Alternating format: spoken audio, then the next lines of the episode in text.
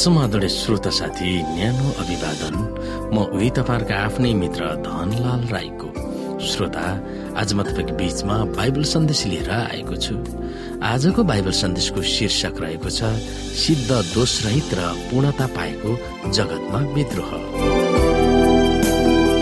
श्रोता यस अध्यायमा हामीले विशेष गरी अध्ययन गर्नुपर्ने बाइबलीय पदहरू रहेको छ एक युहन्ना चार अध्यायको आठ र सोह्र पद युहन्ना चार अध्यायको सातदेखि सोह्र इजिकियल अठाइस अध्यायको बाह्रदेखि उन्नाइस यसैया चौध अध्यायको बाह्रदेखि पन्ध्र र प्रकाश बाह्र अध्याय।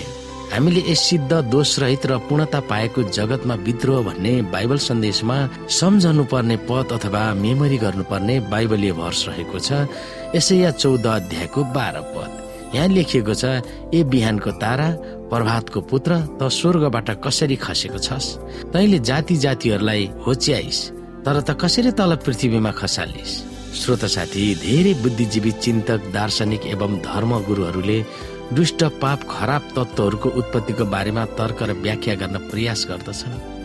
खराबको अस्तित्व सधैँ छ किनकि खराब भएन भने असलको सराहना गर्न सक्दैन भनेर कतिपय ती बुद्धिजीवीहरूले तर्क गर्दछन्। संसार सिद्ध सृष्टि भएको हो तर जसो तसो खराब आफै उत्पन्न भयो भनेर कतिले भन्छन्। उदाहरणमा ग्रिकको काल्पनिक वा पौराणिक कथामा देवताहरूले सृष्टि गरेका पहिला स्त्री पाण्डोरालाई ती देवताहरूले एउटा सुन्दर बट्टा दिएको थियो तर त्यस बट्टा नखोल्न उनलाई आदेश दिएको थियो। तर एक दिन उनले आफ्नो उत्सुकता थाम्नै सकेन र उनले त्यो बट्टा खोले। तब त्यहाँबाट खराब कष्ट बिमार रोग व्याधिहरू निस्किए त्यहाँबाट सारा संसारमा दुष्ट र खराब तत्वहरू उडेर गए। तर त्यस बट्टामा भएका दुष्टता वा खराब तत्वहरू त्यहाँ कसरी लुक्न पुग्यो भनेर भनिएको छैन। यी तर्क र काल्पनिक पुराणहरूको विपरीत हाम्रो प्रेमिलो परमप्रभु सर्वशक्तिमान हुनुहुन्छ र सिद्ध हुनुहुन्छ भनेर बाइबलले सिकाउँदछ।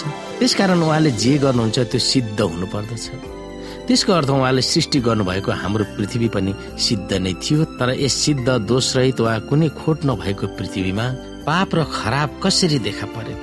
हामीलाई उत्पत्ति तिनको अनुसार आदम र हवुवाको पतनले पाप दुष्टता खराब र मृत्यु यस संसारमा आए भनेर भनिएको छ। तर त्यस जवाफले अर्को प्रश्न पनि खडा गराउँछ मानिसको पतन हुनुभन्दा अघि नै खराबको अस्तित्व थियो। यो खराब सर्पमा प्रकट भयो जसले हवालाई छल गर्यो। उत्पत्ति तीन अध्यायको एकदेखि पाँचलाई हेऱ्यौँ भने हामी कुराहरू पाउँछौँ। त्यसकारण मानव पतन हुनुभन्दा अगाडितिर हामी फर्कनु पर्दछ जहाँ खराबको स्रोत वा उत्पत्तिको बारेमा व्याख्या गर्दछ। जसको फलस्वरूप त्यस खराब तत्वले हाम्रो अस्तित्वमाथि शासन गरेको छ र बराबर हामीलाई दयनीय अवस्थामा उमेदिन्छ श्रोत साथी हामी यहाँ उत्पत्ति तीन अध्यायको एकदेखि पाँचसम्म अलिकति हेरौँ। परमप्रभु परमेश्वरले बनाउनु भएका वन्य पशुहरू मध्ये सर्प सबभन्दा धुर्त थियो। त्यसले स्त्रीलाई भन्यो के परमेश्वरले तिमीहरूलाई बगैँचाको कुनै पनि रुखको फल नखानु भनी भन्नुभएको छ? स्त्रीले सर्पलाई भनिन् बगैँचाका रुखहरूका फल हामी खान सक्छौ। तर बगैँचाको बीचमा भएको रुखका फलको विषयमा परमेश्वरले भन्नुभएको छ त्यो चाहिँ नखानु र नछुनु नत्र त तिमीहरू मर्छौ। सर्पले स्त्रीलाई भन्यो तिमीहरू मर्दैनौ। किनकि परमेश्वर जान्नुहुन्छ कि जुन दिन तिमीहरू त्यो खान्छौ त्यही दिन तिमीहरूका आँखा खुल्नेछन् र असल र खराबको ज्ञान पाएर तिमीहरू परमेश्वर जस्तै हुनेछौ।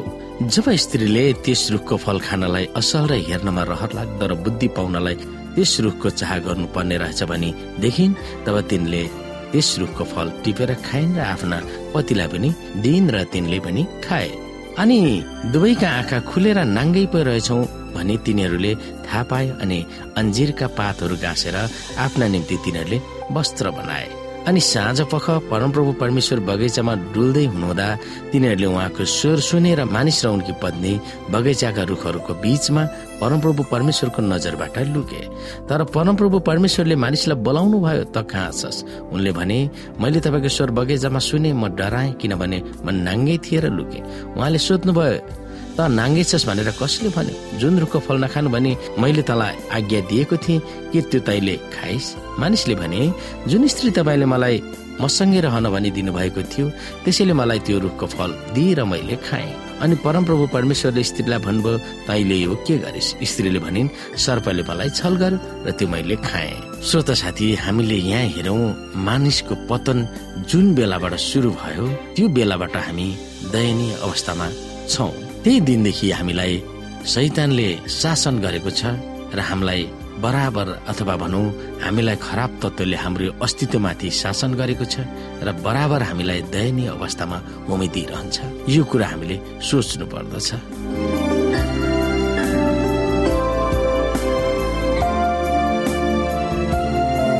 श्रोता आजको लागि बाइबल सन्देश यति नै।